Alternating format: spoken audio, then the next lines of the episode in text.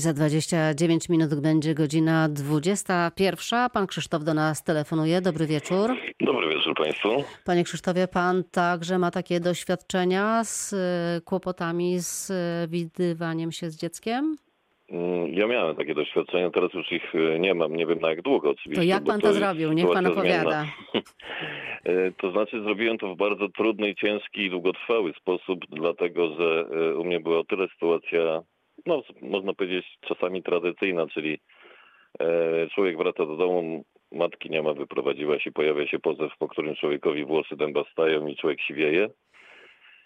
E, No i potem zmagania sądowe, których nie będę tutaj mówił, no bo skupmy się właśnie na alienacji, która była Ile bardzo trwała? często, bo to znaczy ona była z, z przerwami robiona, no bo do samej rozprawy e, matka zatrzymywała dziecko do pierwszej sprawy utrudnienia kontaktu, bo myślę, że tutaj pani sędzi, sędzina, która jest w studiu, może przyzna rację, że e, osoba, która e, ucieka z dziećmi i przetrzyma je bez e, kontaktu z ojcem e, do czasu pierwszego orzeczenia, to tak naprawdę większość tych spraw właśnie kończy się w ten sposób, że rodzic, który porwał dziecko, zabrał je z ich domu rodzinnego i nie zwraca uwagi na to, co te dzieci przeżywają. Pani Docelowo rzecznik e, latach- tutaj przysłuchuje się właśnie i pani rzecznik, pani to nazywa wprost.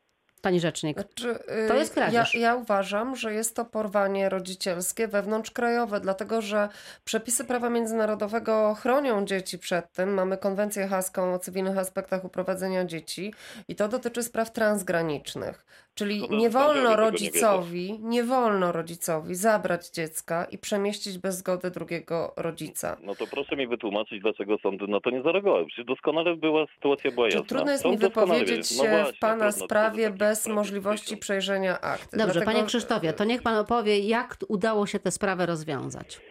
To znaczy sprawę udało się rozwiązać zupełnie w inny sposób niż myślałem, bo e, oczywiście e, mediację na samym początku, jak przy pierwszej rozprawie, jak się dowiedziałem, e, była żona odrzuciła. Więc sąd e, i tutaj też warto tym, żeby się e, osoby, które słuchają audycji dowiedzieli, że jeśli jedna strona nie wyrazi takiej zgody na mediację, to ona nie jest możliwa z punktu widzenia prawa. Nie zauważyłem, żeby sąd przynajmniej w mojej sprawie wystąpił sam e, z informacją, proszę bardzo, nieważne czy chcesz, czy nie chcesz, e, masz uczestniczyć w mediacji, po prostu jest informacja. Nie ma przymusu, tak? To jest Znaczy nie, dobrowolne. no Nie, to jest w Znaczy, ogóle musi niedopuszczalne prawnie. Nie może sąd zmusić kogoś do No procedury właśnie. mediacyjnej. E, przepraszam, że wchodzę w słowo, ale generalnie e, e, rolą sądu opiekuńczego, e, w tym też sądu rozwodowego, bo chciałam podkreślić, że sąd rozwodowy, jeżeli są dzieci, to też jest sąd opiekuńczy i e, sędzia przekonuje, na, zachęca do procedury mediacyjnej. Tutaj dzisiaj jesteśmy w studio z doświadczoną panią mediator i wystarczy, że jedna strona powie nie, a najczęściej ustami pełnomocnika nie, nie zgadzamy się. I tutaj sąd już nie może e, niczego narzucić, ponieważ nasze prawo nie przewiduje przymusowych mediacji. I wracamy, panie Krzysztofie, To do puenty I do tego, kwestia- jak się udało. No właśnie. I dlatego, że y, nie ma takich możliwości prawnych, matka może odmówić kontaktu y, i mediacji, a mając dzieci jest na z góry jakby y, wygranej pozycji. Natomiast to, że mi się udało potem doprowadzić, ja nie wiem jeszcze jak będzie dalej oczywiście, no bo e, sprawy sądowe mam już zamknięte, natomiast kwestia jest taka, e, że e, bo ja nie będę wchodził mocno w rozprawę, ale moja była małżonka miała kuratora, bo tam były nie do, nie, no pewne rzeczy nieprawidłowe zauważone. Tylko, że kurator, który był w tej e, sprawie zaangażowany, ewidentnie e, pisał notatki na korzyść matki. Ale Ja co zadziałało, to. panie Krzysztofie, No ja co udowodniłem zadziałało? to właśnie, że, że zmieniono kuratora i po tym wszystkim, co zrobiłem, następny kurator zaczął wykonywać swoje działania wreszcie zgodnie z przy, z przyrzeczeniem, bo kurator takie ma e, obowiązki, łącznie też z przyrzeczeniem, które składa. I dzięki temu, że ten kurator zachowywał się wreszcie tak, jak trzeba, nakłonił moją matkę, która nawet wcześniej w kontekście Czy matkę COVID-u dziecka. zasłań... Tak, nakłonił matkę dziecka w końcu do tego, żeby, e, bo ostatnim raz, kiedy dzieci nie wziąłem, to było oczywiście zasłanianie się COVID-em. E, Tak, i to też jest argument, który niestety nic często nie jest używany. Nigdy nawet nie napisał do sądu, że matka nie realizuje kontaktów, że nie przywozi dzieci e, zgodnie z postanowieniem sądu. I dopiero po zmianie kuratora, więc to był długi, długi proces, bo przyznaję szczerze, udowodnienie e, przełożonym, czy też w sądzie, że kurator jest nie, nie do końca, mm, no jakby to powiedzieć, Skuteczny choćby. skuteczny, czy chociażby taki no, odpowiedni, tak, e, w kontekście działań, też długo trwa, no bo z założenia kurator to ma być osoba, która jest osobą publiczną i jak rodzice są w konflikcie, no to po prostu e, sąd ufa kuratorowi. Tylko nie bierze sąd czasem pod uwagę, że kurator też jest człowiekiem i z jakichś tam względów, których nie będę tutaj poruszał, może czasami działać na korzyść jednej z osób. Panie Krzysztofie, gratuluję. Wracamy do rozmowy w studiu. Dziękuję najmocniej e, za telefon. E, Pani rzecznik, kary finansowe często są nieegzekwowalne. Y, Pojawił się pomysł, żeby e, zabranie czy uniemożliwianie kontaktów było przestępstwem. Co z tym pomysłem?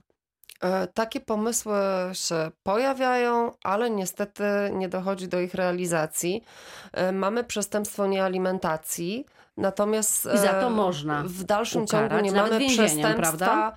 utrudniania kontaktów, niewykonywania kontaktów, czy przestępstwa porwania rodzicielskiego, czyli przemieszczenia dziecka bez zgody drugiego z rodziców. I to trzeba koniecznie powiedzieć, bo to może wynikać też z nieświadomości najczęściej mam, chociaż zdarza się to również tatą, że dziecko nie jest niczyją własnością. Dziecko nie jest własnością rodziców, tylko jest swoje własne i ma własne prawa. I jeżeli rodzice nie mogą dojść do porozumienia, a oboje mają nad nim władzę rodzicielską, to muszą mieć zgodę sądu na przemieszczenie dziecka. Nawet przemieszczenie w ramach kraju, to nie jest Nawet kwestia... na zmianę miasta, jeżeli jest spór pomiędzy rodzicami, to prawidłowo powinna być na to zgoda sądu. W idealnym świecie powinno być tak, że rodzice razem siadają i mówią: Słuchaj, mam taki pomysł na życie, co ty na to? Mhm. Dobrze, to mówimy o idealnym świecie, a pan Damian do nas telefonuje. Dobry wieczór. Dobry wieczór Państwu. Dobry wieczór, jak u pana? Jakby, u mnie to 4 lata trwa, tak? Sądy wydają ciągle postanowienia na temat, bo to już nie przed jednym sądem się tyczy, postanowienia na temat kontaktów, które są ciągle nierealizowane, tak? Przez te 4 lata to 7 częściowych kontaktów przebiegło zgodnie z postanowieniem sądu. Syn, córka? Syn, Syn. już połowę jego życia jakby żyje beze mnie, no, a sądy w żaden sposób nie reagują. Także tutaj wracając do tego artykułu, który mówił o nakazie zapłaty, można zawrzeć to w postanowieniu regulującym kontakty, ale sądy też jakby tego nie próbują w żaden sposób uregulować właśnie przy wydawaniu postanowienia o kontaktach. No właśnie, za chwilę porozmawiamy o tym e, więcej, co powinno się zmienić w prawie jeszcze, żeby to było bardziej skuteczne, żeby nie trwało latami, żeby te dramaty tych dzieci głównie, no rodziców pośrednio, rodzica alienowanego e, pośrednio, no nie były po prostu tak częste, bo wydaje się, że ten problem jest bardzo częsty w Polsce, niestety.